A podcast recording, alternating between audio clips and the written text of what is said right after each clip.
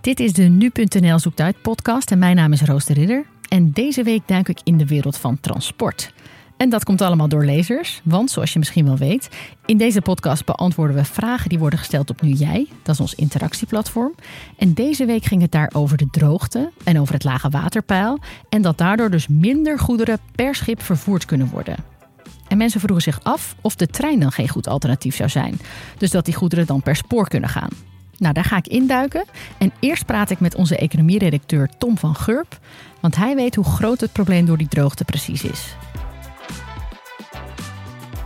En hoe ben je hier eigenlijk gekomen, Tom, op kantoor? Met de trein. Ah, wel met de trein. Ja, ja, ja dat wel, ja. Niet per schip. Ja, nee. nee, want we gaan ons dus een beetje bezighouden met de binnenvaart en uh, of de trein überhaupt een alternatief is. Um, want hoe zit het eigenlijk in Nederland? Wat is de binnenvaart? Um, hoe groot is die sector? Ja, die is in Nederland best, uh, best behoorlijk. Het focust natuurlijk wel uh, volledig op goederenvervoer. Het personenvervoer uh, via binnenvaart is, is heel minimaal. Maar als je kijkt naar de hoeveelheid goederen, dat is per jaar ongeveer 300 miljoen ton dat zij vervoeren, zowel binnenlands als over de grens naar, naar of van Duitsland of België of Frankrijk. Oh, wauw. Dus dat is best, best fors. En is dat veel ten opzichte van alle goederen die in Nederland worden vervoerd?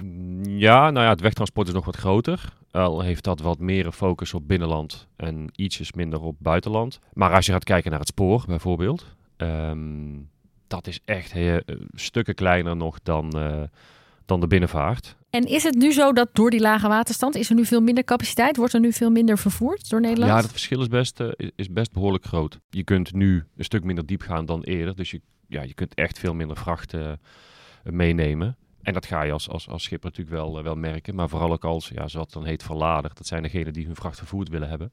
Die merken gewoon dat ze ja, minder makkelijk hun, hun, hun vrachten op de plek van bestemming kunnen krijgen. Ja, dat doet wel, wel pijn bij hen. Um, en dat verschil met, met het normale, uh, uh, laten we zeggen, normale waterpeil en de normale uh, hoeveelheden is best behoorlijk groot.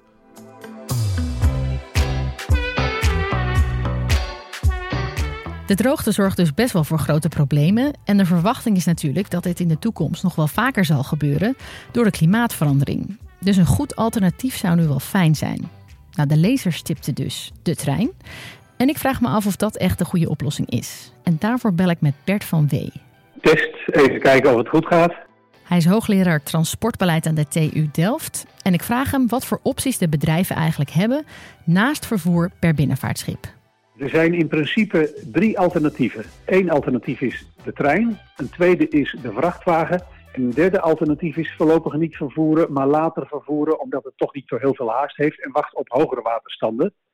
De trein is voor sommige goederen wel een alternatief, maar lang niet voor alle goederen. Het gaat om de vraag wat voor soort goederen het, betreft. Goederen het betreft. Bij containers gaat dat bijvoorbeeld relatief makkelijk.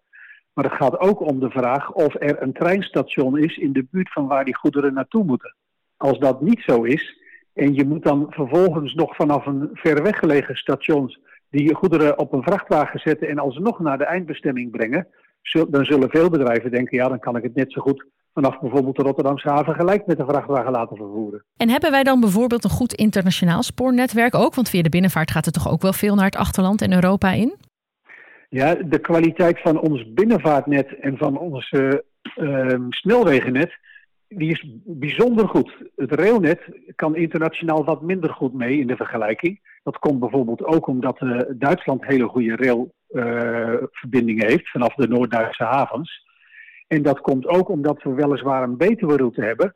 Maar die aansluiting in Duitsland dat is nog niet goed geregeld. Dus het Nederlandse deel is voor elkaar, maar het Duitse deel nog niet zo. En dat betekent dat de beterroute nog niet ten volle benut kan worden. Terwijl dat speelt al heel lang toch, dat project? Ja, dat, dat speelt al heel lang. En uh, die beterroute is in 2007 geopend. En men ging er zo rond het jaar 2000 vanuit dat Duitsland ongeveer gelijk klaar zou zijn met Nederland. Maar dat is allemaal niet goed geregeld. En dus ja, dat is nog steeds een probleem. En dan misschien ook nog de drukte, want ik vind het in Nederland best wel druk qua spoor en qua personen. Kunnen daar zo allemaal extra goederentreinen doorheen? Dat kan zeker niet zomaar en zeker niet overal. Uh, met name in de spits en in de randstad is dat bijzonder moeilijk, omdat het spoorwegennet in Nederland heel intensief gebruikt wordt. Anders dan bijvoorbeeld in Zweden, om maar een willekeurig ander voorbeeld te noemen. En dat betekent dat je vaak uh, buiten de spits die extra treinen zal moeten laten rijden. Uh, maar je kan natuurlijk ook bestaande treinen soms langer maken en meer wagons aankoppelen. En dat is veel minder problematisch dan een hele nieuwe goederentrein laten rijden. Toch klinkt het allemaal niet zo makkelijk eigenlijk om maar te zeggen we doen wat goederen in plaats van schip naar het spoor, als ik het zo hoor. Nee, dat is ook zeker niet zomaar heel makkelijk. Er komt ook nog eens bij dat het alle materieel moet beschikbaar zijn. Zijn er voldoende wagons op de juiste plek op het juiste tijdstip? Dus ja, dit is best wel een probleem. En je hoort nu ook dat bedrijven zich realiseren dat ze best kwetsbaar zijn geworden voor dit soort verstoringen. En dat gaat dan nu om de lage waterstanden in de binnenvaart, maar ook bijvoorbeeld de oorlog in Oekraïne en de problemen in Taiwan. En je ziet dat bedrijven zich nu aan het herbezinnen zijn op de vraag: moeten wij misschien onze hele productie en de in- en verkoop van goederen niet wat anders organiseren, waardoor we wat minder kwetsbaar worden voor verstoring in het goederenvervoer? En dan is dus eigenlijk maar de vraag of het spoor ja, echt het goede alternatief is op dit moment qua wat we kunnen. Het spoor is slechts voor een beperkt deel van alle goederen een goed alternatief voor, binnen, voor binnenvaart. En de vrachtwagen kan natuurlijk op veel meer plekken komen. Dus ik verwacht dat er meer bedrijven zijn die nu voor vrachtwagens gaan kiezen dan voor de trein. En reist u zelf graag met de trein? Ik ga met de trein altijd van mijn woonplaats Amersfoort naar mijn werkplaats Delft. Dus voor mij is de trein een uitstekend alternatief. Dat is fijn. Maar misschien als er wat meer goederentreinen doorheen zouden komen, zou het, uh, zou het meer tijd kosten dus. Dan zou het uh, meer tijd kunnen kosten en het zou ook onbetrouwbaarder kunnen worden. En mensen hebben een grote hekel aan onbetrouwbare reistijden. Onbetrouwbare reistijden. Ja, dat is natuurlijk niet echt waar de meeste treinreizigers op zitten te wachten. En sowieso is de conclusie dus dat het spoor en de trein niet per se het beste alternatief is voor binnenvaartschepen omdat er best wel veel complexe dingen bij komen kijken. En de capaciteit gewoon veel en veel lager is op dit moment als je dat vergelijkt met binnenvaartschepen. Dus ik ben benieuwd hoe dit zich gaat ontwikkelen. Dit was het in ieder geval voor nu.